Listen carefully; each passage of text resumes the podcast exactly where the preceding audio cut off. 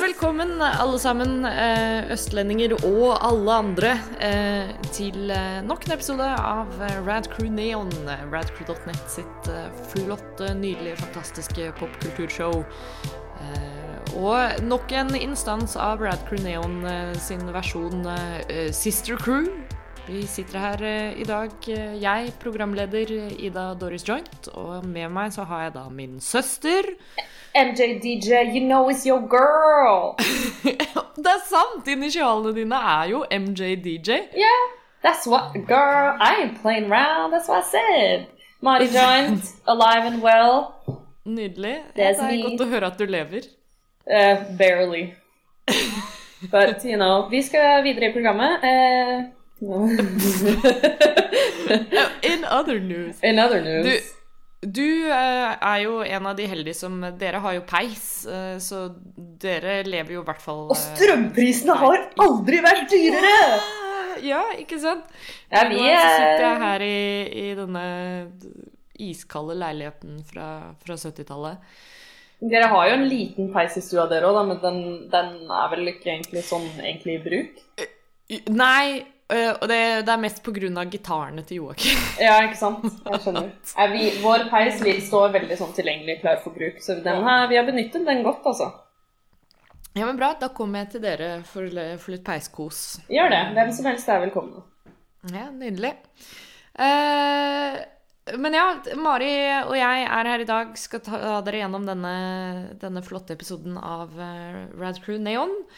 Eh, og som alle andre uh, Altså, når det er Netflix sin mest populære serie noensinne, så kan vi jo liksom ikke unngå å snakke om det. Eh, så denne episoden skal vi snakke litt om Squid Game. Yeah. Serien på alles lepper. Elsket og hatet. Eh, og jeg tror, vi, jeg, jeg tror vi kan få til en ganske bra, bra diskusjon der. Så gled dere til det, folkens. Og, eh, og om du ikke har sett eh, Squid Game ennå, så ikke fortvil. Det blir jo alltid i god Rad Crew-stil, så kommer vi til å snakke litt sånn løst og ledig om det først, ganske sånn spoilerfritt. Og så sier vi tydelig fra når det liksom ikke er trygt å høre på lenger. Um, men før det så tar vi en eh, eh, vanlig runde med anbefalinger. Snakke litt om, eh, om ting vi syns dere burde sjekke ut. What's fresh? Og, what's fresh? What's the, what's the 411? What's the uh, 411? what's the situation? Uh, ja, hva, hva er fresh, uh, Mari, Mari MJ DJ, Mari Joint? Skal jeg begynne? Ja. Ok, I'll start. Um, men da får du bare stoppe meg hvis jeg plutselig blir for nerdy, because I'm on, I'm on, I'm on home base, mama. Dette er jeg Vi spiller, vi spiller hjemme her, det er ikke bortekamp. Musikal. Bam, bam, bam. That's what I'm here to talk about. Okay. Um, så 19. november på Netflix, mine damer og herrer, så kommer det en en fantastisk musikalfilm med navn Tick Tick Boom. Og det er altså eh, for de som kanskje ikke er eh, helt inn, innforstått på eh, musikaler og det området der, så har man kanskje hørt om en liten musikal som heter Rent. Seasons of Love. Det er i hvert fall en ganske sånn musikal som de fleste kanskje har hørt noen sanger fra. Og Jonathan Larson, som da skrev Rent, eh, han skrev en Som musikal. skrev Rent musikalen, ikke filmen. Altså. Ja, ah, ja, altså det er en filmatisering. Som skrev scene, altså den første, første, altså som lagde Rent. Som skrev Ja. sceneoppsetningen eh, Rent og lagde der musikken og alt det.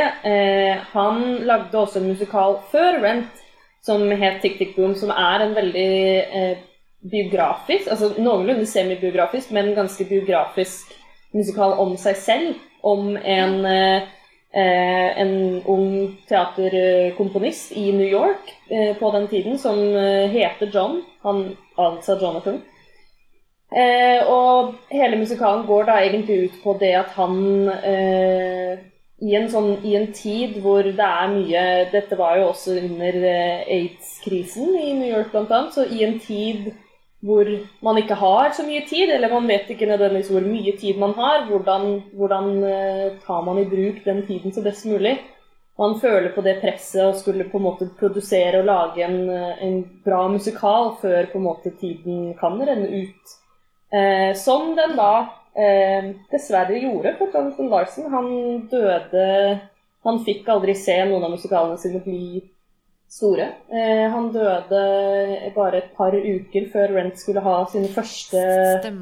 Første preview på Broadway i 1996. Eh, så han, og hans store drøm var på en måte å kunne gi fra seg en legacy og kunne på en måte gjøre en forskjell innenfor teater- og, og scenemiljøet. Eh, og det klarte han jo, men det er jo trist at han aldri fikk vite det selv. Eh, så det er en utrolig viktig og en utrolig fin musikal. Og nå eh, skal de da lage en eh, Eller de har laget en film av den med selveste, selveste Andrew Garfield i hovedrollen, som er en helt for jeg som kjenner Jonathan Larson godt, holdt jeg på å si, ikke personlig, men som har hørt om han, vet hvordan han ser ut, eh, så er det en uncanny casting av Andrew Garfield og hvordan han ligner helt insane mye. Eh, og han har også brukt et helt år på å lære seg å synge for denne filmen.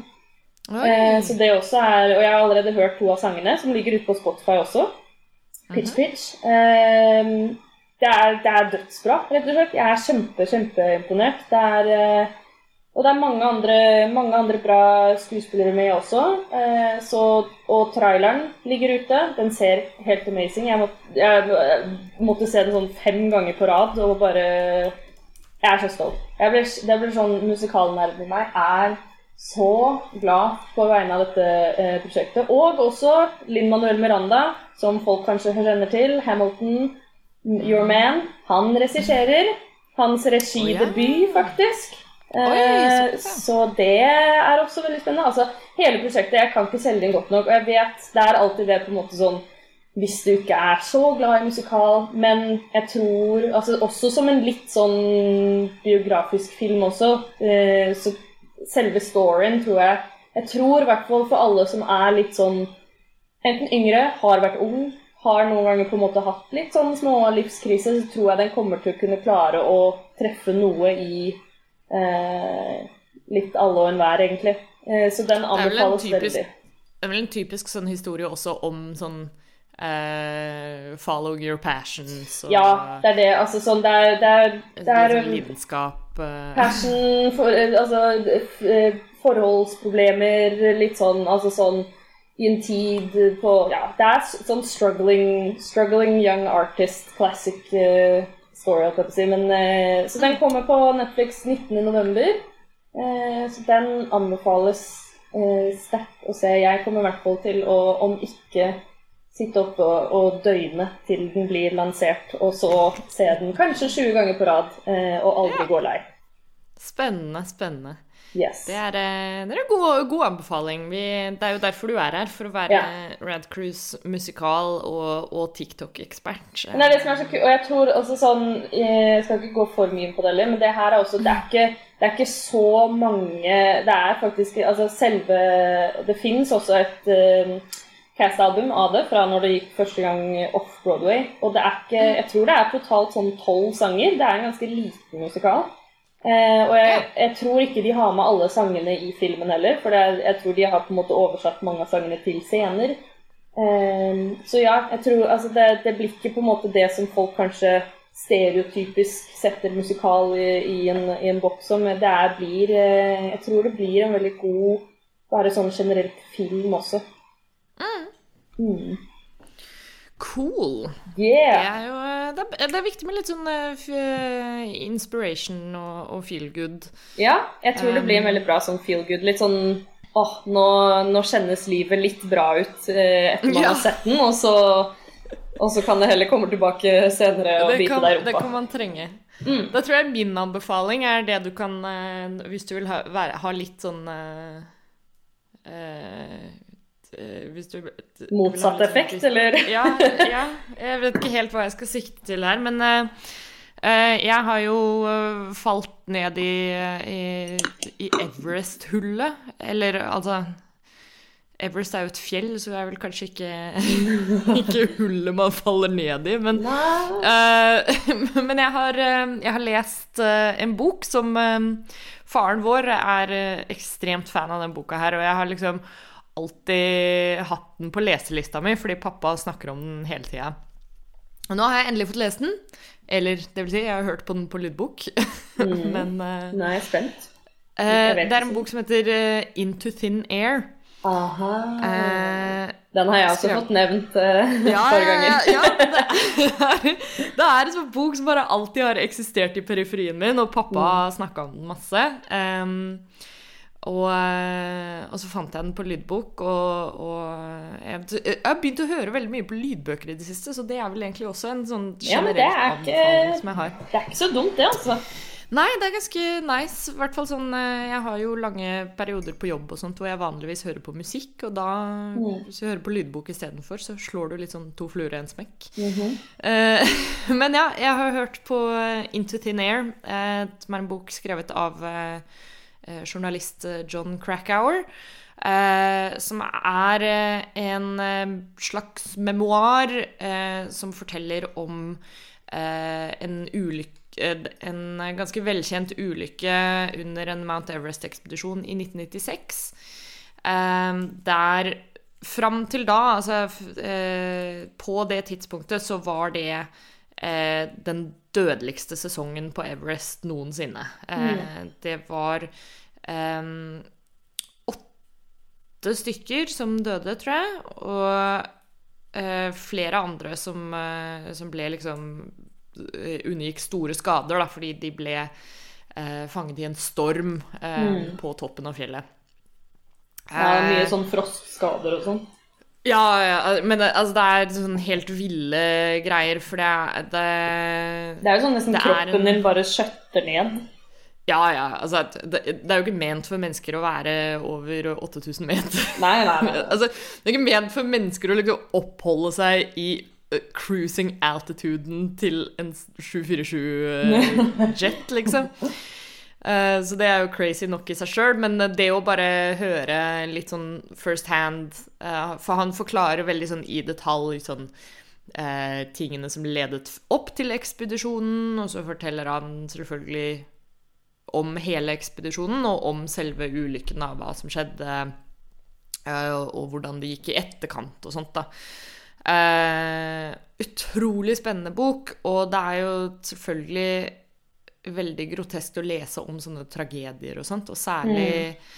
Det som er så fascinerende, særlig med sånn Everest-tragedier og sånt, det er jo at det er så veldig sånn um, For han snakker mye om det òg, liksom dette med å være mountaineer, da, eller den derre crazy obsession folk får med sånne helt uh, ville achievements. At det er ja, sånn, ja. De, de, chaser en sånn high som er sånn Ja, ja, og, og, og, det er ganske forfriskende. Han har noen kapitler og sånt hvor han snakker litt om det, og, og snakker litt kritisk om det, da, fordi at det er mm. mye, det er mye sånn um, Everest Bros som, som ja, kanskje kan, bli, kan som kan bli veldig sånn derre å, men det er så, det er så bra å, å climb mountains og liksom du, ja, ja. men, men, her så går han litt inn for det at det er sånn Vi vet hvor ridiculous det er, det vi holder på med, liksom. Mm. Um, det er, litt, men, sånn, eh, det er litt sånn som man kan sammenligne med sånn uh, crazy sånn Formula 1-sjåfører som er sånn De vet de vet den der sjansen når de setter seg ja, i bilen, holdt jeg på å si, men ja, allikevel så er de sånn Now, we'll do it. Ja, ja. Uh, men det er, det er, utrolig fascinerende. Jeg har alltid syntes at liksom Everest er et veldig interessant tema. Mm. Um, og ikke bare fra en sånn uh, altså, Det er jo bare helt crazy å tenke på, liksom. At det er en ting mennesker kan utsette seg for. Og hvor mye som går inn i det. Liksom sånn her høydetrening, og hvor, hvor, langt du må klatre. Altså, selve ekspedisjonen tar jo liksom en drøy måned. Mm. Uh, og, og, bare sånn Hvor crazy hele det opplegget der er, da. Mm. Eh, sykt fascinerende å lese om. Men det er også sånn Jeg tror det er litt derfor pappa er så utrolig fan av denne. For det er sånn eh, businessman-bok. det er typisk sånn businessman-bok som du leser på flyplassen. Kjø- Kjøper på bokbutikken på flyplassen. Jeg skal bare plukke med meg noe på, på vei til Ja. Amsterdam. eh. Men det er også en bok som er veldig sånn Ja, den handler om Everest-ulykken, men du kan liksom Du kan lese så mye sånn Selvfølgelig, å klatre fjell er jo kanskje den sånn mest brukte metaforen noensinne eh, for alt mulig rart eh, i livet. Um, men man kan få eh, mye sånn kule perspektiver da, av, å, av å lese den boka her. Eh, men også, hvis man eh, ikke har lyst til å lese boka, så er det laget en film også, eh, basert på den her ekspedisjonen, eh, som kom ut i 2015, som heter Everest. Eh, og den ligger på Netflix. Eh, blant annet med eh, Jake Gyllenhaal spiller i den. Gyllenhaal, hei! Og massevis av eh, australske og newzealandske skuespillere også. For de er eh, det, det var en ekspedisjon med veldig mange fra, fra Australia og New Ja. Um, og den så, vi, den så jeg etter å ha lest boka, og den er, eh, den er ganske, eh, ganske bra. Det er en typisk sånn middelmådig, helt OK film. Ja. Um, men, eh, men veldig fascinerende dramatisering av selve den ekspedisjonen. Uh, og jeg vil nok uh, Den er nok best som et sånt supplement til hvis man, eh, hvis man vil lære mer om selve ekspedisjonen, så er det kult å se den filmen, men så lese litt mer om det etterpå. For det er selvfølgelig mye detaljer og sånt som man ikke kan ha med i en, Ja, i en dramatisert spillefilm. Det er vel litt sånn med de fleste sånn basert på uh, based Ja. on true events, at det er alltid på en måte mer å hente inn. Fordi man må jo, når man oversetter til filmmediet, så er det ting Ja. som man ikke alltid får med. Men det er en, eh, det er en veldig interessant, eh, interessant historie, for det, altså selve den ekspedisjonen var jo noe som Fram til da så hadde Everest uh, vært et veldig sånn Fram til 90-tallet så var det veldig vanlig at det kun profesjonelle klatrere og sånn da var de som, som kunne bestige Everest. Og og den sesongen her, eller liksom da, den Disse ekspedisjonene starta en sånn trend med at det ble mer og mer vanlig for sånn semiproffe folk. Eller det var sånn OK, så lenge du bare trener nok eh, så kan, og har nok penger, ikke minst, mm. ja. så kan du også klatre Everest. Um, og av denne ulykken, da. Eh, det var tolv stykker som døde totalt. Eh, og eh, og, det starta en sånn kjempediskusjon om liksom sånn OK, vi må få noe mer regulations på hvordan man klatrer Everest, og um, og det starta ordentlig den diskusjonen om liksom kommersialiseringen da, av, av å klatre Everest. Eh, så vi skal, gå, vi skal ikke gå full sånn politisk podkast her, men det er eh, jeg, jeg bare Jeg har falt skikkelig ned i det, det hullet nå, og det er bare veldig Everest er en utrolig sånn fascinerende greie. Eh, og den boka her er veldig, veldig godt sånn jumping on point, hvis det er noen andre som også er litt sånn nysgjerrige på um, på Everest, og han, han beskriver det vel, i veldig gode detaljer og sånt, liksom akkurat hva som skjer, og, og hvilke treninger du må og liksom hvor, hvor crazy hele det opplegget der egentlig er. Da. Det er ikke bare å klatre et fjell, liksom. Nei, nei, nei. Eh, så det er det jeg har å anbefale. Eh, 'Into Thin Air' av John Krakauer. Eh, og påfølgende filmen eh, 'Everest', eh, som ligger på Netflix. Hvis man vil ha en litt sånn eh, exciting kveld. Nice. Uh, ja, det var vel egentlig det vi hadde å by på der. Vi kan, uh, vi kan ta, ta oss en kjapp liten pause før vi kommer tilbake for å spille litt uh, gode, gamle childhood games og prøve å vinne masse, masse penger. Eh, og komme oss ut av gjelden i, i Squid Game. Netflix' nyeste storhit. Eh,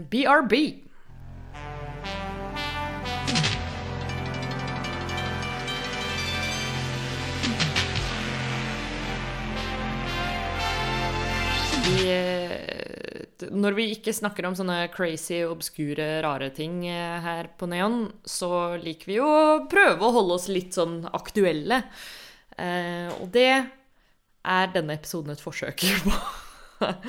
Årets, eh, årets halloween-kostyme for alle, alle sammen. ja, lord. Eh, det er Altså, det er Greit nok at vi skal snakke om serien i seg selv, men jeg syns alltid det er like fascinerende når noe liksom tar av på den Ja, ja, ja. her. Eh, Når det går er- viralt overalt. Ja, ja. Det er overalt. Det er liksom alle ser på det, alle snakker om det. Så er det alltid sånn Jeg syns det alltid er morsomt. Sånn var det med altså, sånn med Thrones, Breaking Bad, alle de der. Så når du eh, Hvis du bare Det blir sånn normen når du møter noen du ikke har sett på en stund. Så er det sånn Du, har du sett på Squid Game, eller? Ja, Så det det, sånn- blir det, det blir det nye sånn å snakke om været. Ja, det blir det. Det er sånn derre Ja, har du sett den nyeste episoden av Game of Thrones? Eller det er sånn derre alle, alle må på en måte være on board. Og så har du så, sånn som På jobb også så var det det. At sånn Å, har du sett på Squid Game? Så var det alltid noen som hadde sett på. Så det sånn Nei, jeg har ikke begynt å se på ennå. Jeg er bare på episode 1. Dere må ikke snakke om Ja, det. Så alle er liksom in on the buzz.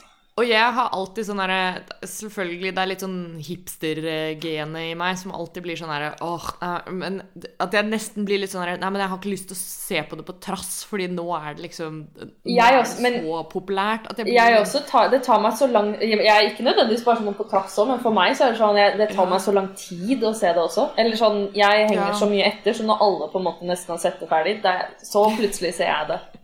Ja, ikke sant? Jeg hoppa jo på Game of Thrones sånn kjempesent. Egentlig sammen med Breaking sant. Bad også. Ja, samme med, samme med meg. Jeg, jeg begynte ikke å se på Game of Thrones før sånn Før jeg tror sesong fire var i gang, eller noe sånt. Ja, jeg tror noe sånn med meg òg. Ja. Men anyways, vi har sett Squid Game, og um, det, det, det som Altså, nå avslører jeg jo meg sjøl for å være litt sånn der kontrær. At det, som jeg sa, det derre hipster-greiene at jeg er sånn derre Å, nei, men det er så populært, så da har ikke jeg lyst til å se på det. Eh, og, da, og da, når jeg endelig ser det, så blir jeg alltid slått med den derre sånn Å ja, nei, men eh, Å, det er jo skikkelig bra, Det, jo. det er bra! Eller man blir litt sånn der weirdly Ikke nødvendigvis overraska, men det blir sånn derre Å ja, ok, nå skjønner jeg liksom hvorfor dere Ja, ja, er så ja, ja. hype, da. Um, uh, men ja. Uh, Squid Game det er en uh, sørkoreansk serie på Netflix. Ni episoder som er ute nå. Eh, og som har tatt eh, verden med storm. Eh, Mari, har du lyst til å kanskje gi en sånn eh, kjapp liten summary? Altså, nå skal det jo sies Squid Game det er en typisk sånn serie som er sånn Jo mindre du vet om den, jo kulere er det kanskje å, å se det. Hmm, som litt flere ting fra eh, Korea, kanskje? Parasite? ja, ja, det er, vanlig, det der. Eh, men samtidig så er det jo kanskje vanskelig å ha unngått å få med seg noe som helst. eh, eller, Ok, jeg skal, å prø jeg, skal, jeg skal prøve å gi en ganske Jeg skal gjøre mitt beste på å prøve å gi Ja. en, en så spoiler-free, kanskje interesserende summary som mulig. Eh, vi skal prøve. Ok. Så Squid Game handler om eh, Jeg vil si Nei, å, dette ble vanskelig, faktisk.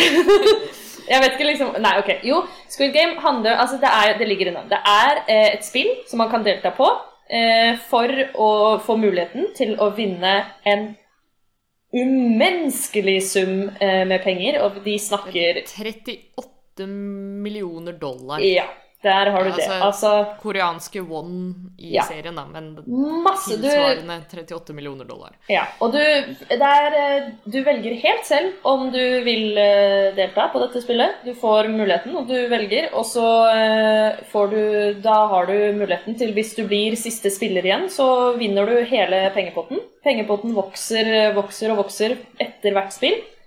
Eh, og det er eh, spennende. Og de, de som da også får muligheten til å delta eh, i disse spillene, er ofte er som regel da folk i samfunnet som kanskje har tatt litt sånn feil gamblingvalg, eller har litt pengeproblemer, har litt Det gjeld. er Det blir vel etablert at alle som eh, For eh, Vi kan jo ta Jeg syns den plot summaryen her som er på IMDb, er egentlig ganske grei.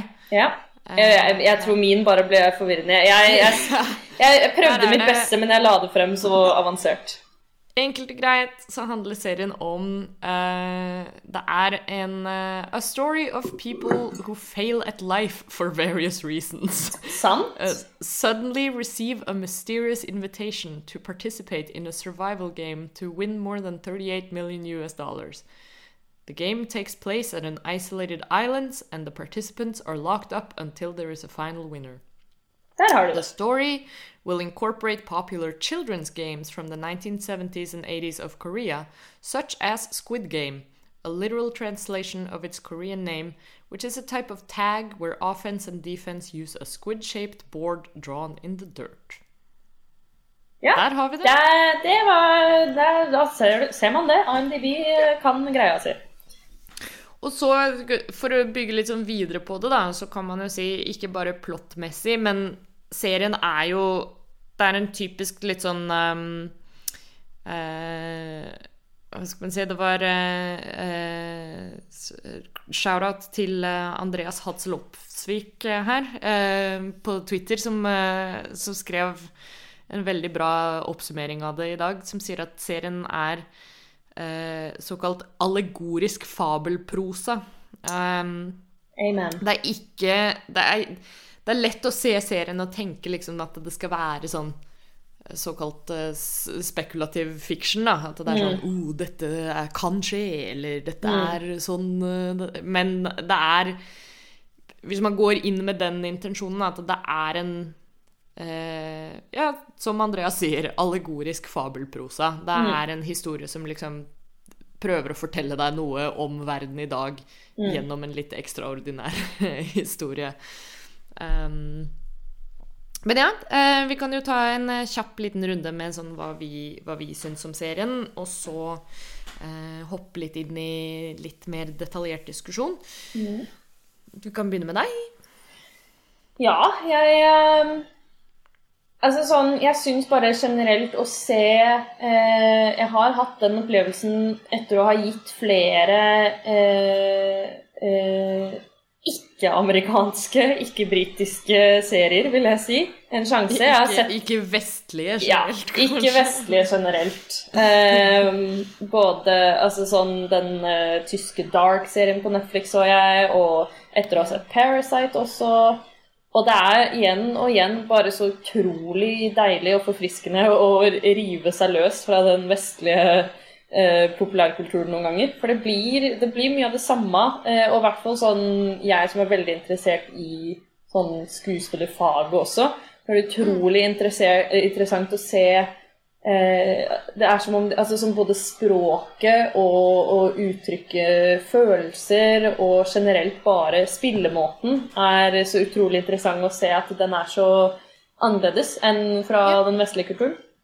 Eh, så jeg, jeg syns egentlig det alltid er veldig deilig. Nå, nå fins jo også serien dubbet på engelsk, men jeg så Men den dubben er den, ja, det er akkurat my, my next point. Det er en eh, crap dub. Det er bare latterlig. Jeg vet at vi ofte her på, på Neon har snakket om subs before dubs, men, Ja, eh, det, her er det, det men her er det nesten essensielt. Altså. Og, Ja. og vi kommer kanskje tilbake til det også, for det har jo vært uh, litt av kritikken til serien også, at, Mm. Eh, at tekstinga ikke er all verden. Ja, at teksting Jeg også, hun ene, hun ene på jobben min, hun, eh, hun eh, kan koreansk. Og Så hun sa det også at når hun så på serien, så ble hun så irritert ofte for at, eh, at uh, subtitlesene var altså sånn, sånn helt Nesten for seg helt motsatt ord av det de sa også. Det er mye Så det- sånne små sånn kulturelle forskjeller og sånt Ja, ja. også, som ikke kommer tydelig nok fram. Da. Og det, Ja. det har jo kickstarta diskusjonen igjen med at eh, altså teksting og, og oversetting generelt Mm. handler jo ikke om å bare oversette sånn hva de sier. Nei, det er ikke direkte er oversetting. Det, Nei, nei, du må det er- få med meningen og betydningen Ja. og intensjon og alt. Altså sånn, der kommer du jo inn i på en måte karakterene, skuespillet, følelsene. Det er ikke bare ord. Det er jo det er handlingene deres i ordene også. Eh, nei, men jeg, altså jeg, jeg likte serien kjempegodt. Igjen, det tok meg altså sånn Jeg begynte å se eh, Nå er jo jeg en del på TikTok. Eh, og jeg begynte jo å se ganske raskt en, en økning der eh, på interesse. Det plutselig bare dukket mer og mer videoer opp av denne I hvert fall det klassiske eh, eh, klippet som vi kan snakke om senere.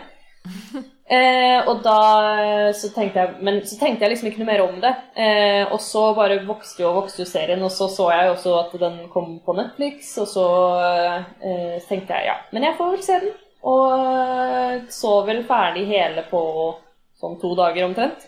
Eh, så jeg var, var kjempefornøyd. Jeg syns den var dødskult konsept, dødskult gjennomført. Mm. Eh, skuespillerprestasjonene wow. Eh, ja. Så ja. Kjempe, kjempe, kjempefornøyd.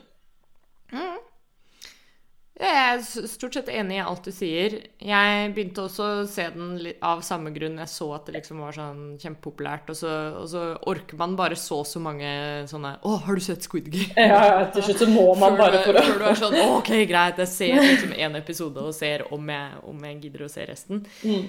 Eh, og da så vi én episode, og så så vi en episode til, og så så vi en episode til. Og så plutselig hadde vi sett eh, Jeg tror vi så fem episoder den første kvelden, og så mm. så vi resten dagen etterpå. Mm. Og det var jo bare kjempekonge. Mm. Um, jeg likte det i hvert fall veldig godt. Jeg, jeg, har sett at det er mye sånn fram og tilbake kritikk av er, Jeg har sett at det er flere som syns serien ikke er sånn kjempebra. Um, og jeg har hørt flere kritisere skuespillet og sånt også. Eh, at folk er sånn herre Å, skuespillet er skikkelig sånn over the top eller eh, Men det er jo der men, vi må komme Ja, vi må Ja! Det er nettopp der det kommer inn det der at det har jo noe med at vi har en helt annen Altså vi i Vesten har en helt annen tilnærming til hva vi tenker er liksom bra skuespill. Mm -hmm. Så når vi får noe sånt som det her, da, så, eh, så kan det virke så liksom fjernt eller eh, litt sånn ja, at det blir sånn over the top og ja. um, Ikke relaterbart på en måte, tror jeg også for ja, folk. Det, at de liksom ikke klarer å se seg i det. Ja, det blir nesten litt sånn campy på en måte. Ja, jeg skjønner hva du mener. Um, er i hvert fall det jeg har hørt flere si, og, og der blir jeg sånn herre Ja, jeg kan, jeg kan, på en måte forstå det, men der handler det jo litt om det der å, å ha den forståelsen at OK, men det er en forskjell i i kulturelt uttrykk her som, eh, ja. som gjør at det er da, forståelse. Det er, jo, det er, jo, bare å se på forskjellen på liksom amerikanske eh, liksom sånn daytime cartoons, eh, tegneserier, mm. og anime, liksom. Mm. Det er jo også to helt forskjellige sånn, stiler av historiefortelling. Mm. Kulturelt betinga, da. Um, og det samme skjer jo her med, med skuespill i, um, i Sør-Korea. Og i hvert fall når man snakker om TV-serier, så har jo Sør-Korea en veldig stor sånn um, TV-seriekultur. Ja, og der også for det snakket jeg om hun, hun på jobben som har Hun, eh, hun var også i, eh, i, Korea også, hun bodde der en periode òg, og da sa hun det at det også er altså TV-kulturen der nede at de har en sånn de har en helt egen sånn formel og måte å gjøre sånne, i hvert fall sånn mm. klassiske, litt sånn cheesy drama eh, koreanske serier. Så det er bare sånn Det, det er liksom sånn formelen er der nede. Eh, ja, ja da, altså, du kan jo ta eksempler liksom med sånn type Bollywood-filmer og sånt også. Ja, ja. For De har en, for sånn en, formel. Eh, for en som er vant med amerikansk cinema, liksom, så, så å se en Bollywood-film, da kan man tenke sånn oh, wow, dette er skikkelig weird. Mm. Men det er det som er normalen der. på. And as a student of the learned fine art, arts of acting, I must say Nei, men all jokes aside, ja, det er der jeg også blir For Jeg er så utrolig passionate og, og interessert i skuespill og skuespillkunst. Og, og jeg tror med det, Da er jo jeg noenlunde heldig for at jeg har et så sånn bredt spekter av Jeg er så veldig sånn mottakelig mot alt mulig av skuespill mm. også. Så jeg bare kunne, så, jeg bare kunne ønske at flere der ute kunne liksom bare skjønne det. At det er ikke det er absolutt ikke ett svar på skuespill og hvordan man gjør skuespill. Det er en, det er en uendelig uh, abyss. Og jeg tror, jeg tror vi, vi, snakket jo litt om dette i episoden vår om Parasite også. Mm. Men det er jo også en uh, litt sånn kultur for det i, i sørkoreansk um, media, eller TV og film, da. Mm. Uh, med litt sånn sånn svart humor og eh, at Blanding av sjangere, rett og slett. Ja, ja, og Litt sånn utfordre sjanger. Der funker på liksom en helt annen måte, og jeg tror ja, det er der mange, mange, kan synes det skjærer seg litt her. fordi at mm. hvis, du hadde, hvis du ser for deg liksom en hadde Squid Game vært laget i USA, da, så hadde det vært en så utrolig Det hadde vært sånn derre Walking Dead-stemning. Ja, ja, ja. Det hadde vært en veldig sånn mørk, dystopisk serie. Mm. Og det hadde ikke vært noe rom for eh, latter, på en måte, da. Mm. Mens det er det her, og da tror jeg det er mange som får en litt sånn disconnect. At det er sånn OK, her sitter vi og ser på en ganske sånn grueling serie men her kom det en ganske ridiculous vits som jeg ikke har lyst til å le av. Det er en så utrolig... Og, og, da, og da, blir, da, blir, du liksom da, blir, da forteller du deg sjøl at det er sånn Å ja, men dette her syns jeg er rart, fordi at det, det, er ikke sånn det skal være. Eller jeg forventer ja, ja, ja. ikke å høre den vitsen i men, denne men, ja, ja, ja. Mens jeg blir bare sånn Altså min reaksjon er alltid bare sånn Herregud, så utrolig gøy. Altså sånn den, den Å utfordre sjanger på den måten syns jeg bare er sånn Jeg syns jeg er dødsfett. Og det er sånn det er en Jeg føler det krever Jeg vet ikke, altså sånn er ikke jeg noen ekspert heller, men jeg syns det er på en måte med det er, vel, det er, så imponerende når det blir mm. Eh, når man får til det bra som regissør og skuespillere og, og alle om. Og ikke minst så er det veldig, det er veldig forfriskende også, da. Veldig. Eh, det å få litt sånn nye perspektiver og nye måter å, å, å, å få servert media på, på en måte. Ja, ja, ja. ja.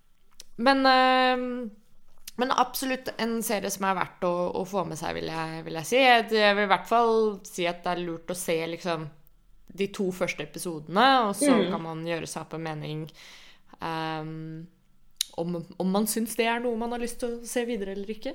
Ja, for det er akkurat det. Altså, sånn, den type TV-serien den er også, bare sånn temaene og, og mye av uh, hvordan, altså Ting som skjer, er jo, det er jo ikke for alle heller, og det er jo greit. Nei. Så jeg tenker sånn, det, det, er jo greit å liksom hvert fall prøve ut, da, gi det en sjanse og se om konseptet er uh, Det er flere, flere, jeg kjenner som har sånn Ja, altså den virket veldig bra, men det, det blir rett og slett bare litt for mye for meg, da. Og det er jo mm. helt, helt i orden, det òg. Ja, den er jo ganske brutal til tider. Det ja, skal ikke legges skjul på. Det, det stemmer. Det er fullt forståelig at det ikke er, eh, sitter i god, god, god fot hos alle sammen. Men man kan i hvert fall teste de første ja. episodene. Og hvis man syns det høres spennende ut, så sjekk det ut. Uh, så i hvert fall fått uh, seal of approval fra, fra oss uh, her. Mm. Uh, og vi kan jo ta oss og hoppe litt inn i litt spoilers, fordi da blir det lettere å snakke mer om, om akkurat hva vi syns er bra.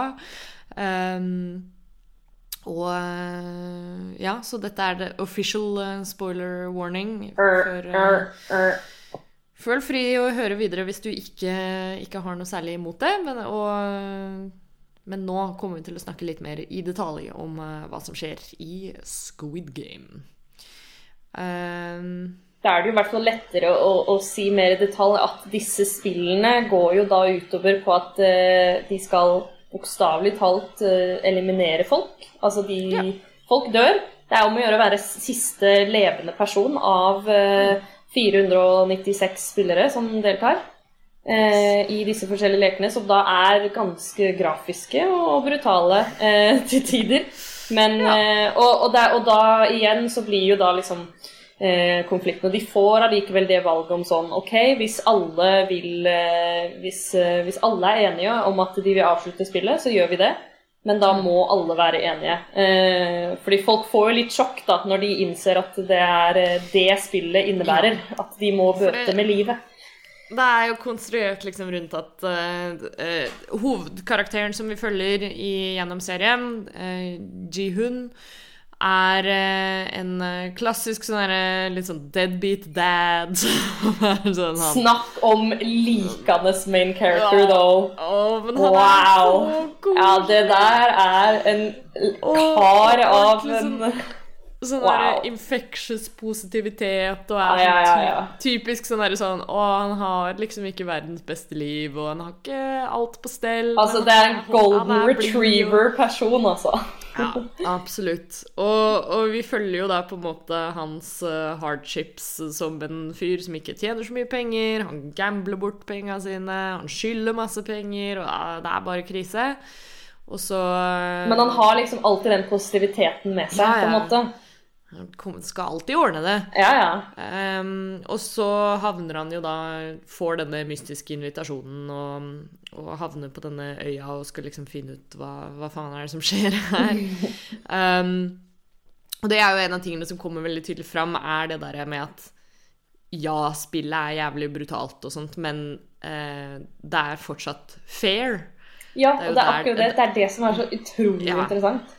Og det er jo der den der eh, mekanismen kommer inn, at det er sånn her OK, hvis du ikke har lyst til å være med, da, da har du det er, lyst til å være med. ingen, det er ingen av de som blir tvunget til å spille. Det er, det er 100 deres eget valg. Eller sånn, Det- altså det, Jo, jo. det er jo der på en måte Til en grad, da. kommer inn, da. Fordi det, det er jo veldig tydelig at hele showet er en sånn kapitalismekritikk. Ja, ja. Det er veldig tydelig Altså, det de blir seg liksom litt De blir jo manipulert til å ville Ja, ja, spille. Absolutt. Altså, det, det viser jo det at eh, når du er gjeldsslave, på en måte, og, og Ja. er sånn Oi, her har De du trykker på de riktige knappene.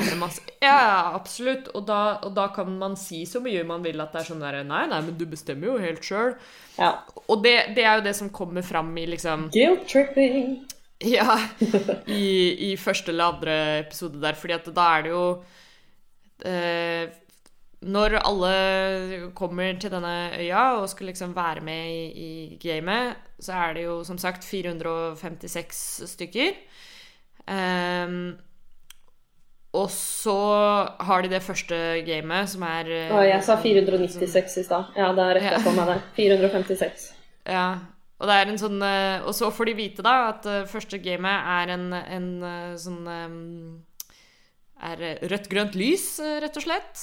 The, the beloved game we all know. Den klassiske sko skolegårdsklassikeren rødt-grønt lys.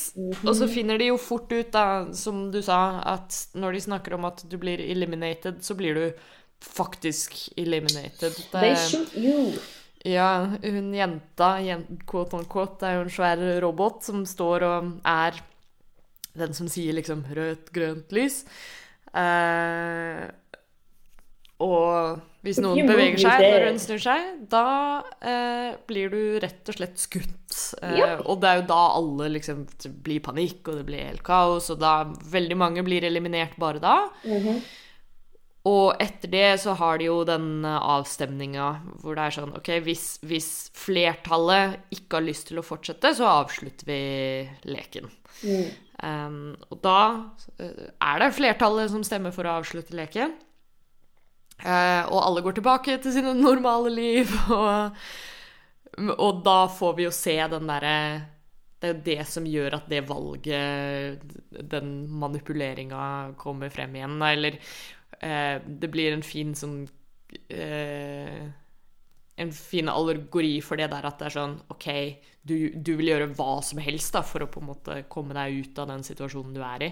Det er, litt, det, er, det, er, til livet Ja. det er et av de uh, uh, Stemoren vår har et så utrolig bra uttrykk som hun bruker ofte. Frivillig tvang. Ja, ja, ja, men det er jo Det det blir veldig sånn frivillig tvang. Alle kommer tilbake til livene sine og er sånn herre Oi, shit, det jeg har det faktisk helt jævlig. Hva om jeg faktisk kunne vunnet de Ja, ja. De 456 million, milliardene won, eller hva det er. Utrolig sånn smart mind, mind game. Ja. Så da når de, når de velger Og da får alle liksom en ny invitasjon da, og er sånn derre oh, hvis du er, Would you like to try again, basically. ja, ja. Og da av de 456 så er det jo sånn Det er noe sånt som 200 av de eller noe sånt som kommer tilbake igjen. ja, ja. Nesten alle sammen. og det er jo det tydelige tegnet på at ja, når du, når du er, har harde kår, da, så eh, Det virker som et valg, men er, har du egentlig et valg? Ja, altså, ja, for det blir litt sånn som noen av de prøver å Eller altså, så blir det jo litt sånn samtaler når alle har kommet tilbake, eh, og flere av de prøver på en måte å forsvare det at jo, jo, men altså det er jo ikke noe verre her inne enn det allerede er der ute. Prøve prøver på en Ja, måte liksom å overbevise seg selv at eh, Men altså, Og det er det som er, da. Altså, du har jo da samlet en gjeng med mennesker som tenker at Men jeg har jo ikke noe annet bedre, så, Ja. så hvorfor jeg har, liksom, jeg har ingenting å miste, så da kan jeg like gjerne bare kjøre på. Ikke sant? Så de har, eh, de på, de har uh, valgt ut uh, folkene med omhu. Mm. Eller de tar tak i de som uh, er lettofre. Ja, ja, for det, det kommer jo også fram i den første episoden når, all, når alle liksom samles på det stedet, da. Det er vel, eller det er vel i andre episode, tror jeg. Ja, så får man litt på en måte info om at Ja. alle har, alle har det den, sånn- det til felles, da. Ja, alle har til felles at de har gjeld, liksom. At, at de skylder noe, og at de, de sliter liksom med å, å få endene til å møtes på den måten, da. Og, Som virker som en ganske vanlig, vanlig tematikk i sørkoreansk populærkultur. populærkultur. Absolutt. Altså, det er jo et stort problem, sånn et reelt Ja. gjeldsproblem i Sør-Korea også. dessverre så er det jo det. Eh, eh, så altså, nå har det jo I lys av Squid Game så kommer det jo masse, masse artikler om det også, men Mm. eh, eh, Så dette er jo bare igjen en, eh, en eh, kommentar på det. Mm. Uh, Parasite walked so Squid Game could run. Nei, det var tulla. Altså, spørs da, altså, Squid Game har jo Det er jo den infamøse historien Ja, om at uh, skaperen av. Squid Game, da, uh, Hwang Don-hyuk, har sittet på denne ideen og liksom pitcha den til forskjellige studier og sånt de siste ti årene. Ja, og det også er jo bare helt outrageous. Ja, ja. Det, det viser jo Én ting som det forteller, er jo at sånn Hvis vi ser på populariteten til Squid Game nå, da, og tenker på det markedet av, av film som vi går glipp av fordi vi ikke Fordi verden ikke satser på liksom internasjonal film eller Orker ukjente ikke å tenke skapere. på det. Altså, det, er, det er så mange bra historier der ute da, som Gud bare venter på å bli fortalt. Ja, ja, ja. Um, men heldigvis Skuespillet er for rart og overdrevent. Ja, uh, altså, den, det som jeg, jeg leste en veldig interessant artikkel nå nylig om For én ting Det skuespillet som kanskje spesifikt har fått mest kritikk, er de eh, VIP-sene Mm, ja, ja. eh, når de kommer inn. For det er en episode hvor det da ehm, eh, hvor vi da får, eh, får noen tilskuere, da. Altså selvfølgelig rike menn så, som Rike, eh, hvite, gamle menn. Rike, hvite, gamle menn som, eh, som har betalt gode penger for å få private lounges og dritt, for å liksom se Ja, se på disse folka drepe hverandre, da, som et eh, Mord som underholdning. Som en slags fotballkamp. Um, og det er eh, Det er alle Alle de snakker engelsk og er liksom ja, Sånn super amerikanske, stereotypisk amerikansk, nesten. Ja, ja, sånn hvite menn. Og de har fått masse, masse kritikk da, for å være sånn Å, nei, men de, de er skikkelig sånn herre Er det skuespillere som de bare fant på gata, liksom? Det er så bullshit! Det, Det er helt stupid, fordi det er så eh, realistisk, syns ja, jeg. Men jeg.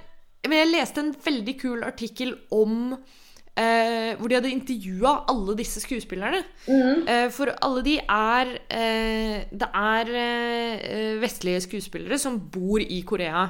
Mm. eh, og som har bodd i Korea i lang tid, og har eh, skuespillererfaring i Korea. Altså, mm. de, noen av de har jobbet mye i reklame, noen av de har spilt i mye andre koreanske TV-serier og filmer.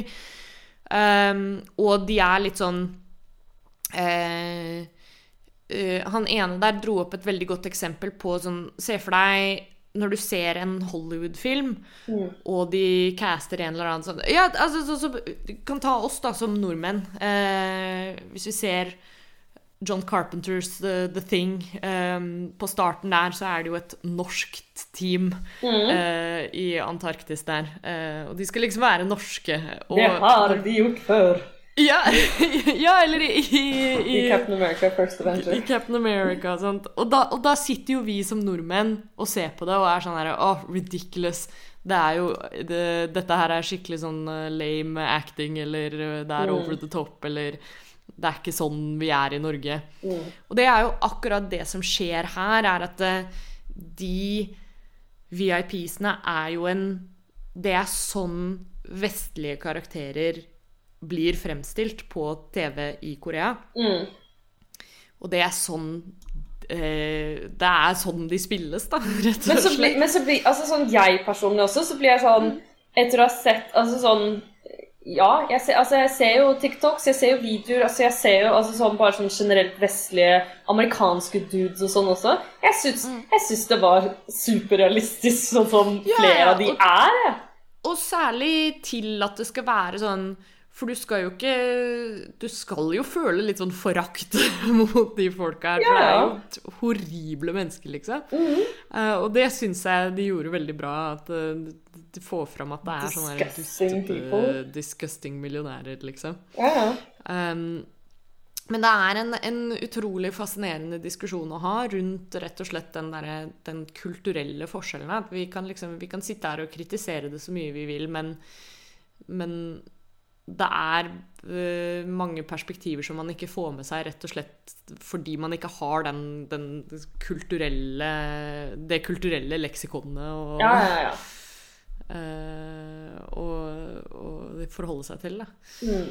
Um, men ja, det Det er jo det som eh, er den store liksom, kritikken her, er jo det er en serie om penger, og det er en serie om hvordan penger styrer livene våre.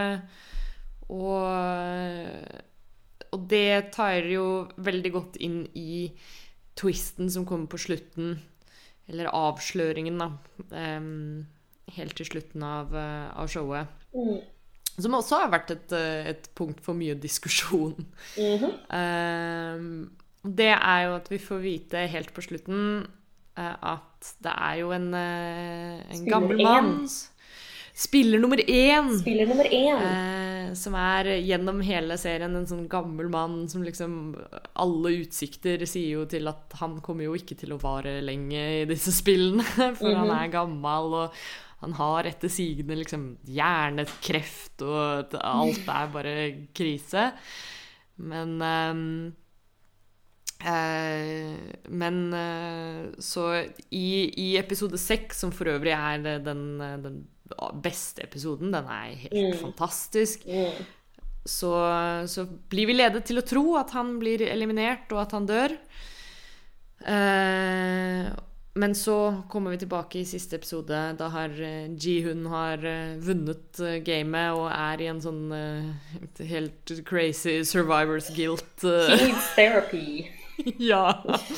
Han har jo han har jo ikke brukt noen av pengene han har vunnet, Nå. eller Og er liksom altså er Ja, du må jo ha tidenes eh, survivors guilt etter det Ja, der. Ja. Um, Det er sånn you won, but at what cost? Ja, ja. Og så går det vel det, noe, det går et år eller noe sånt, og så får han en sånn mystisk invitasjon igjen. Og blir bedt om å møte opp på et sted på julaften. Og hvem er der? Jo, det er den gamle mannen. Og så avslører han at uh, It was me all along. He was the brains behind the Ja, thing. at han var en sånn crazy rik milliardær som uh, var sånn Ja, når du har så mye penger, da, så er det liksom Ting blir litt sånn noe- tomt og meningsløst. Ja, ting blir litt tomt. Og livet er ikke spennende lenger. Du kan kjøpe så mange hus du vil, og du kan kjøpe så mange Men til slutt så blir det sånn Hva kan jeg gjøre for å føle meg litt sånn alive igjen? Det er liksom ingenting som fyller det tomrommet. Nei. Og da begynte han med dette Squid Game. Altså liksom eh, der, Han drar vel noen paralleller mellom sånn derre oh, Én ting er å liksom gamble på, på hester og kjøpe aksjer og bla, bla, bla. Men når du blir lei av det, da, så må du ha litt sånn Du må ha higher stakes, på en måte. Og da er det menneskeliv det går til. Um, og, og så avslører han jo da at eh, sånn eh, Etter hvert så ble jo det å hoste disse gamesene og sånt ble jo også eh, Han ble jo lei av det også, til slutt. Mm. Og da var det sånn OK, hvis, det er, hvis jeg får dette kicket av å hoste det, så eh, må det jo være helt crazy å være med på det. Mhm. Det er sånn han planter seg selv inn i, i spillet, da. Eh, men det er jo den store, liksom eh, twisten som vi får på slutten. At mm -hmm. uh, han var behind it all. Og, han Og hvis man ser serien om igjen, så er det jo masse, masse cool hints og easter eggs til at man kan yeah. eh, begynne å se litt uh, Altså, jeg har jo fått med meg alt av sånn uh, TikToks og analyser og Ja, sånne ting. så theories og Jo, men ikke bare det, men også sånne ting som man kan legge merke til, blant annet eh, i den uh, eksempel tautrekkingsepisoden, hvor alle Mm. har hvor de skal, Det er bare klassisk tautrekking. Så har alle, alle har låser på de kjet- kjettingene sine, bortsett fra han, når de paner sånn nedover. ah. Sånn i tilfelle de skulle falt over, så hadde jo ikke han eh, falt over. Eh, så det, altså det er det som også er litt greia, at jo, han deltar i spillene, men samtidig så er det avduket liksom. Ja, han, det er avduket for at han ikke på en måte kan eller skal dø, da, eh, Mm. egentlig. Så sånn som når det også bryter ut i sånn fight innad der, så kommer han jo seg ganske kjapt opp, eh, høyt oppe og klarer å liksom beskytte seg der. Eh, det er også det er, Her igjen er det sånn folk er sånn noenlunde enig uenig, men under rødt grønt lys så er det også sånn når den eh, hun jenta driver og skanner over folk, så ser det ut som at han er den eneste som ikke blir skanna. Ah, okay. um, så litt sånne ting. Altså, det er, altså, gjennom serien så har de på en måte lagt inn litt sånn Aha, som, er, som jeg vil tro at gjør det ganske kult å, å se den en, en gang til også. At det er på en måte flere ting man kan legge merke til i, i bakgrunnen, og litt detaljer som er lagt inn.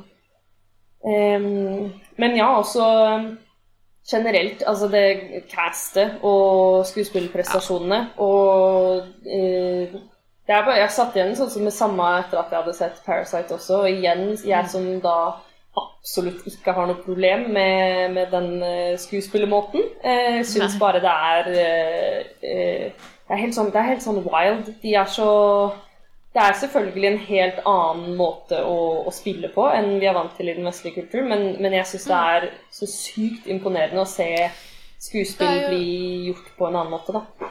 Det er jo et, et veldig godt eksempel, da, som jeg har, slik jeg har forstått det ut ifra hva jeg har lest om kritikken av oversettelsene og sånne ting. Mm. Eh, et godt eksempel på den, hvordan man oppfatter skuespill og sånt også. For det er jo selvfølgelig en stor faktor. Når du ikke snakker språket, så, Mm. så blir det jo en sånn disconnect der mellom Du, du Det tar er det, jo en distanse uansett, på en måte. ja, men du, du tar Litt. også det du leser i tekstinga og setter det på liksom tonefallet og måten det snakkes på, men, Ja, ja. men å ta tonefallet i et språk du ikke snakker, det kan fort bli litt sånn weird. Det er akkurat det. Men uh, et veldig konkret eksempel da er hun uh, Hva er det? Spiller nummer 220 eller noe sånt. Hun eh, Hun dama som røyker på toalettet. Ja, han Minjø ja, ja, ja, ja, hun, ja. Uh, Hanmi. Eh, og hun Fordi Hun som er veldig litt sånn snappy, Ja. rask i replikken. Hun er Hun litt sånn, sånn kule, løse sånn, Ja. Ja. Og eh, jeg tror veldig mange kan tenke på henne som en litt sånn irriterende karakter. Mm. At hun er, hun er litt så slitsom. Hun er Bare sånn, ut ifra et sånn tonefall, vil jeg si- tro, da. Eller sånn Ja, men også, men også litt sånn hvordan hun er skrevet på en måte, da. Det er Ja. Sånn som det derre eh, Når hun snakker om sånn derre oh, 'jeg er så smart', og 'jeg er så bra', og bla, Ja, ja. bla. Men tydeligvis if, i, ifølge en sånn eh, Jeg leste en artikkel skrevet av, en, eh, en som er koreansk, da, som, som klag, klagde litt på mm, på tekstinga, og brukte da eh, hun her karakteren som eksempel, at uh, i På koreansk så kommer det veldig tydelig fram at det er sånn uh, Når hun snakker om det at hun er så smart og sånne ting, eh, så er det nyanser der som får fram det at det er hun er smart, men hun har ikke hatt muligheten til å gå på skole og sånt fordi systemet, og hun har ikke hatt råd til det. Og, altså det, kommer, det kommer mye bedre fram at hun er en litt sånn At det er en karakter som er lett å sympatisere med. Da.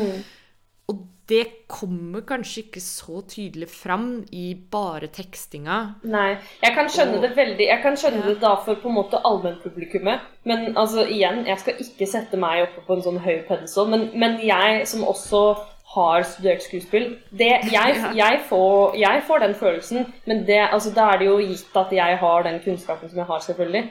Så jeg kan, jeg kan veldig godt skjønne at da for på en måte det allmenne publikummet som da ikke eh, har studert skuespillerteknikk og så her, Ja, ja. så skjønner jeg veldig godt hva, hva hun mener da, at det liksom ikke kan komme like tydelig fram for eh, holdt Og det- og- quote unquote vanlige folk. Ja. Og det er jo alltid en interessant diskusjon å ha det der med sånn Altså eh, Hvor mye skal man måtte liksom eh, Kall det educate seg selv, eller hvor, man, Ja, ja. hvor mye må man ta med seg inn i en serie for å kunne nyte den, på en måte? Da? Ja, ja. Um, altså uh, Selvfølgelig. Det går helt fint å se serien og tenke at nei, jeg syns, ikke, jeg syns skuespillet var dårlig, eller whatever, men, men jeg tror det er viktig å bare ha Ta med seg noen av de perspektivene inn, da, og, og ha, Ja. ha en litt sånn åpen dør til at um, Jeg tror det, også, jeg tror det handler mye om at folk eh, også Eller jeg føler i hvert fall fra den vestlige kulturen så er vi så utrolig vant med å bare få ting servert på tallerkenen. Mm. Altså vi serverte rett fram. Så jeg, altså, jeg er veldig glad i de filmene og TV-seriene som, som utfordrer tankegangen til folk litt mer enn at man bare skal få det svart på hvitt inn med teskje akkurat hva karakteren går gjennom. Eh, indre følelser og alt det der. Det er litt deilig å på en måte kunne tenke seg og analysere litt selv også. mm. Ja, det er, det er en eh, det, det er jo den derre klassiske eh, Bong Joon-ho-quoten. Altså liksom Once you Mhm. overcome the, the one inch barrier of subtitles, there's uh, a whole world of uh, so storytelling movies. waiting for you. Yes. Um, og, og det er jo det som er interessant. Jeg, jeg tror mye av sånn uh, Kall det negativ kritikk, da. Um, ofte stammer fra misforståelser, eller stammer Ja. fra at og, og igjen, nå skal, man ikke, nå skal man ikke sitte på noe sånn høy hest og være sånn Nei, «Å, nei. Du skjønte det ikke, eller du har misforstått, eller Men bare kunne gå inn med et ikke så tunnelsyn, på en måte. Ja, man skal, ikke, man skal ikke dra den der sånn You need to have a very high IQ to watch. Ja, ja, ja. Nei, nei, absolutt ikke. Men, um, men det er nettopp det der at når man blir servert noe nytt da, og uventa, så er det jo veldig lett å bli Altså, vi, vi mennesker har jo ikke Det å være forvirra, da, mm. eller å være litt sånn confused, det er jo en følelse som man dealer med på forskjellige måter. mm, Og for mange så kan det havne i Da er det letteste, letteste er å trekke konklusjonen at sånn Å, jeg likte det ikke. Ja. Istedenfor å, istedenfor å sitte ned og, og analysere litt sånn OK, hva er det jeg ikke skjønner helt her? Eller hva er det som eh, Hva er det jeg går og tenker på eh, rundt denne serien som liksom Fordi du har fått noe annet enn det du har forventa, kanskje, da. Eh, ja. Eh, og det er jo en serie også som man kan Altså man kan snakke om det så lenge. Det er jo så mange moments og ting og karakterer Åh, det, er mye, det er så mye mat. Det er deilig. Ja, det er, det er så mye Mm. bra. Vi kunne, vi kunne lett holdt på i flere timer Ja, med ja. de greiene her. Jeg elsker det. Um, mye fantastiske storylines med liksom Uh, Det derre betrayalet på slutten i finalen Mhm. med, med Sang-woo og Ji-hun og uh, Ja, det er, det er Utrolig mange ut- ut- sånn eh, interessante karakterdynamikker og, og, og sånn forholdene Mm. der, og motsetninger, og bare sånn ah, It's a joy to watch. Og, og rent sånn storytelling-messig også, så er det til å være ni episoder, da, når jeg Mm. tenker tilbake på det, hvor, hvor mye de liksom får plass til. Når du, Utrolig mye, og veldig kontrollert. Så det er Ja, ikke for og- mye. og det er akkurat nok sånne liksom bite-size moments Mm. til at du får en sånn Sånn som Et kjempegodt eksempel er jo hun derre eh, Hun med nesepiercingen. Yeah, Um, Johnny. Our, our favorite yeah. little girl. Yes. uh, for hun blir jo introdusert liksom sånn i episode fire eller fem eller et eller annet. Ja, ja, og allerede da er det ikke sånn supermye plass til henne. Ja, Og så i episode seks. og så i episode seks er liksom Det er episoden hun dør i, men da, får, da har du liksom aller, Bare i den episoden til og med også, så får du en sånn helt egen connection til henne som karakter. Det er noe av det villeste jeg har opplevd. At i løpet av så kort tid fantastisk. at du Det er som om Å ja, men altså, denne, hun, denne karakteren har jeg, har jeg fulgt i nesten sånn seks sesonger, føles det ut som. Yeah, yeah. Men du har hatt henne på en måte i et par episoder, og du allikevel er sånn I would, I would jump in front of a bus for her. Yeah, Det er sånn Bare de scenene med hun um, uh, Saibyo. Ja, Eller hva var og hun. Ji-Jong. ja. Bare de scenene med de to i episode seks Mm. er helt sånn fantastiske dialogscener, og det er sånn Bare i de scenene så skjønner du så mye om begge de karakterene, Mhm. og, og du har ikke fått Og du får ingenting Altså, vi har jo fått noen flashbacks med hun um, forrige. Hun er en veldig mystisk person. Ja, og, og hun er jo Altså, hun er jo en av em, de litt major karakterene. Men, men Ji-Jong har vi jo ikke Altså, vi får ikke noe flashbacks eller noen ting. Alt skjer i dialog. Mm. Uh, og det danner et så tydelig bilde av liksom akkurat hvem hun er, akkurat hvilke motivasjoner hun har. Yes, og det er et så fan fantastisk eh, Fantastisk måte å, å, å bare utnytte den lille tiden man har. Jeg ble helt blown away. Det var bare sånn, det er helt Mm. sånn ja, Unlike anything I've seen, eller i hvert fall opplevd på den måten, og bare på så kort tid bare ha liksom Mm. stålkontroll, skuespillet, eh, manuset, forholdet til den andre karakteren. Det er bare sånn bam, bam, bam. Tens across the board. Damn. Ja, det var eh, helt fantastisk. Altså, Mhm. Og jeg mener, altså, premisset for episode seks setter jo opp sjansen til å skape veldig mye sånne dialoger òg, fordi at da Så har du Det er ikke bare en dialog mellom to karakterer, men det Den settingen og eh, liksom The stakes, da, Ja, ja, ja, er eh, det, det ligger jo i bakgrunnen der, og allerede har skutt dynamikken i været, liksom. Mhm. Um, så eh, Nei, det er et fantastisk eksempel på, på historiefortelling og hvordan hvordan det kan gjøres, rett og slett. Um, og jeg håper eh, Det er jo det som er litt sånn double-edged sword med når ting blir såpass hyperpopulært som det her. I know at what you're about to say. ja, nå kommer man til å få sånn Ok, hva er det Squid Game kommer til å inspirere? Og hva er det folk kommer til å liksom mistolke og tro at de er inspirert av Squid Game? Jeg, Altså, det, har jo, det, har jo, det har jo allerede begynt. Jeg så senest i dag, så var det Det er en sånn artikkel som gjør rundene nå, som eh, er noen som har skrevet en sånn eh, think piece hvor de tror de er smarte, hvor det står eh, oh, hva er det? Det er sånn derre uh, Squid Games creator has said that it's a critique of capitalism. Mm. Uh, but I actually think it's about communism. Det er sånn Å oh, nei! what? Å What nei! are you talking about? Oh no! Lord I... Nei, jeg liksom. Feiler å se kritikken om moralen. Og, og for å dra det tilbake til det som, som Andreas sa, da, den, den fabelprosaen som det Mhm. egentlig er. Da, at, at folk tar det som en sånn og det, er, altså, det Et godt eksempel er jo at folk allerede skriker etter sesong to.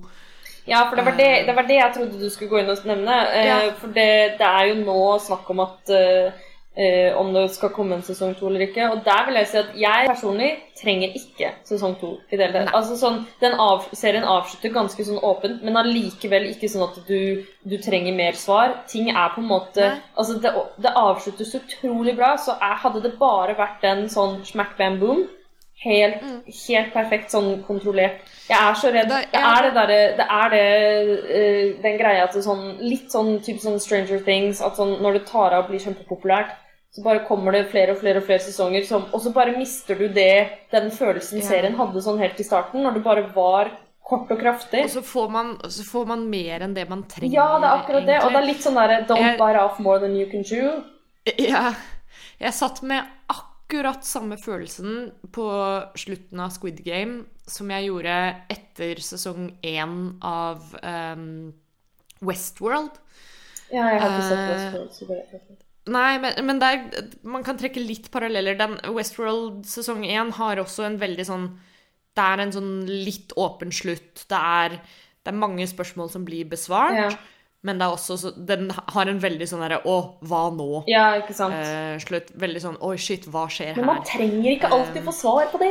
Nei, og det er nettopp det. Jeg syns, jeg syns den gjorde Altså, sesong, slutten på sesong én av Westworld var et så perfekt endepunkt.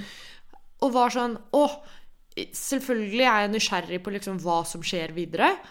Men jeg trenger ikke å vite det. Nei. Eh, det, er, det er deiligere å sitte med den nysgjerrigheten og være litt sånn oh, oh spennende, nå Heller det enn at serien skal bli ødelagt av for mye. Ja, når, da lever liksom den historien videre i dine spekulasjoner, da. Ja, ja. Eh, og, og ikke på samme måte som andre serier som er eh, hvor du får den derre litt sånn utilfredsstilte sånn derre Å, jeg, jeg må vite hva som skjer videre. Mm. At du, du går og tenker på det og er sånn herre Nei, jeg er ikke fornøyd med å bare ha mine egne teorier. Jeg må liksom Ja, ja. Jeg må få et svar. Den følelsen satt jeg ikke med her, Nei. og den følelsen satt jeg heller ikke med på slutten av sesong én av Westworld.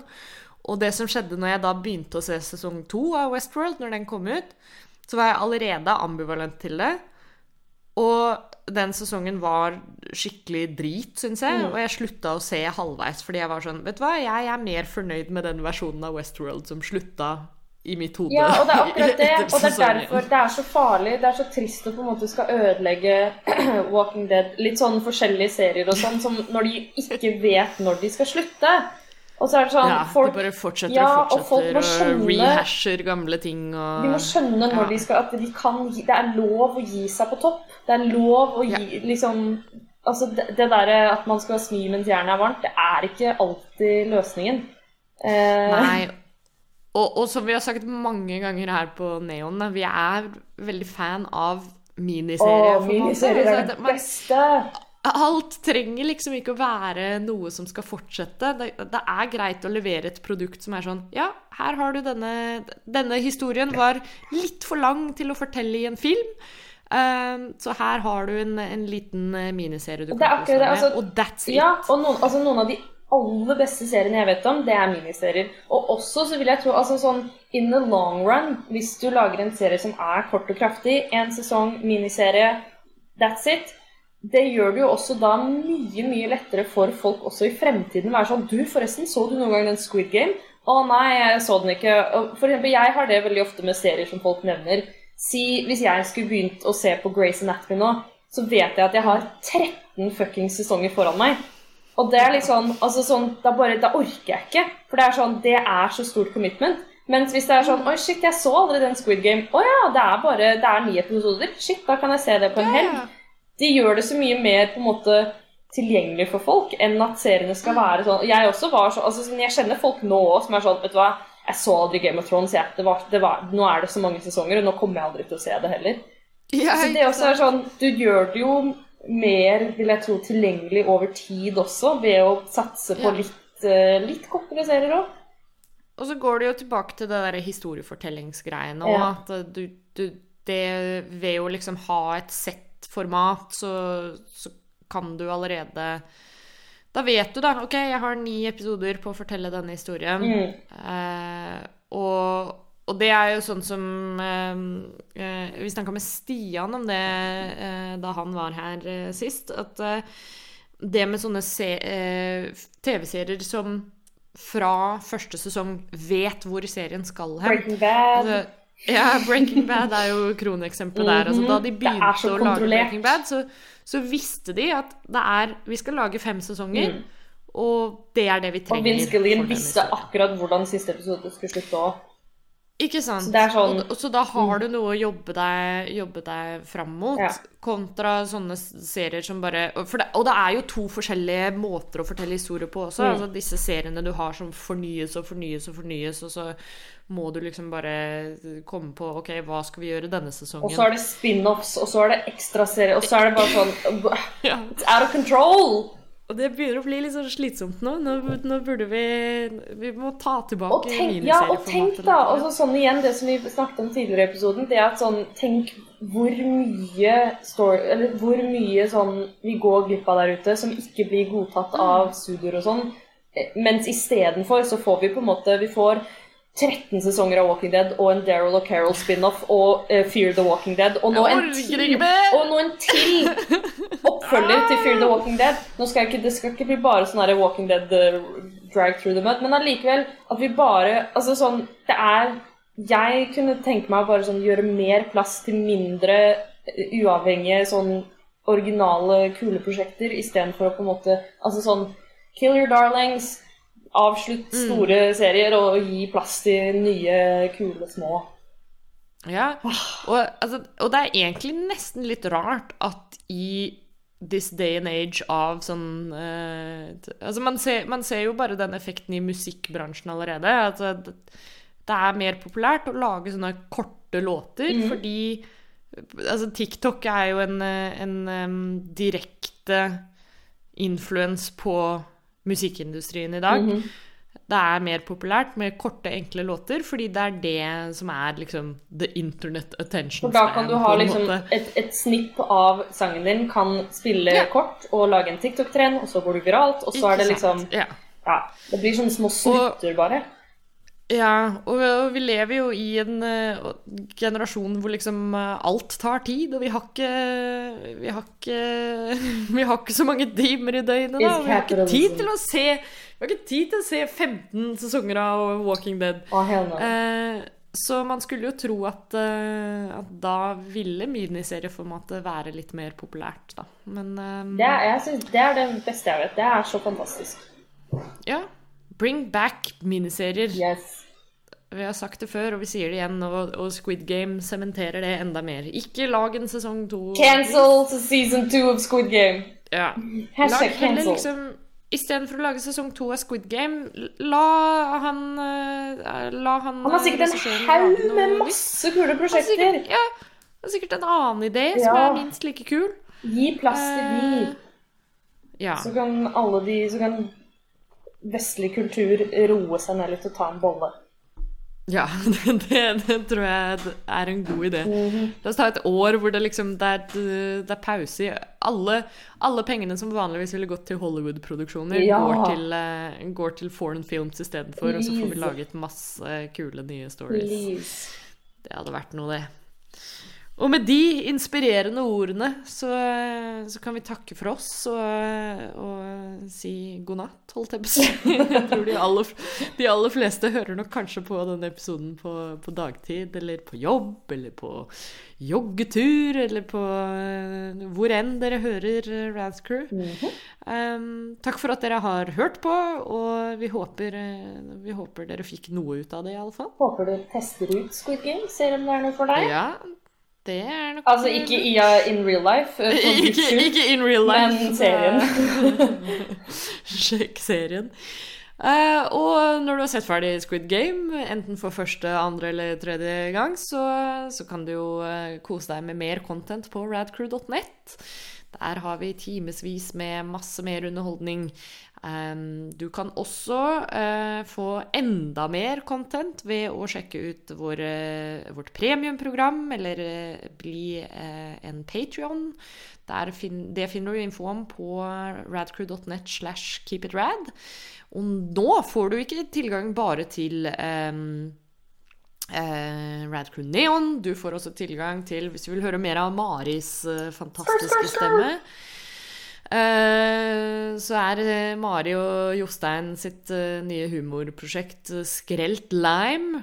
That's where it's Det en at. episode, ja, det er en episode tilgjengelig der eh, på, på Patrion-siden vår. Det er på godt gammeldags språk bare tull. Hele, hele, hele Ja. greia det er bare tull. Men Bare tull. vi koser oss. Åh, Nå kom vi sånn fin full circle her. Jeg, vi får se om jeg redigerer inn det, men når vi starta opptaket her, så drev vi og snakka om at, Oh, eh, at vi østlendinger måtte roe ned, ro ned dialektbruken Ja, vår. Jeg pers personlig beklager til alle trøndere der ute. Jeg skal Ja. legge meg. I'm sorry. Men ja, skrev Skrekkland, ganske gøy, ganske mye tull. Bare mm, snakker om alt mulig annet som ellers ikke blir snakket om i Red Crew-showene. Ja. Yeah. Good times, good times. Uh, og så inntil da så får dere ha en uh, superfin dag, helg, måned, uh, år, liv videre, Wow. alle sammen. Så snakkes vi i neste episode av Red Crew Neon. Bye!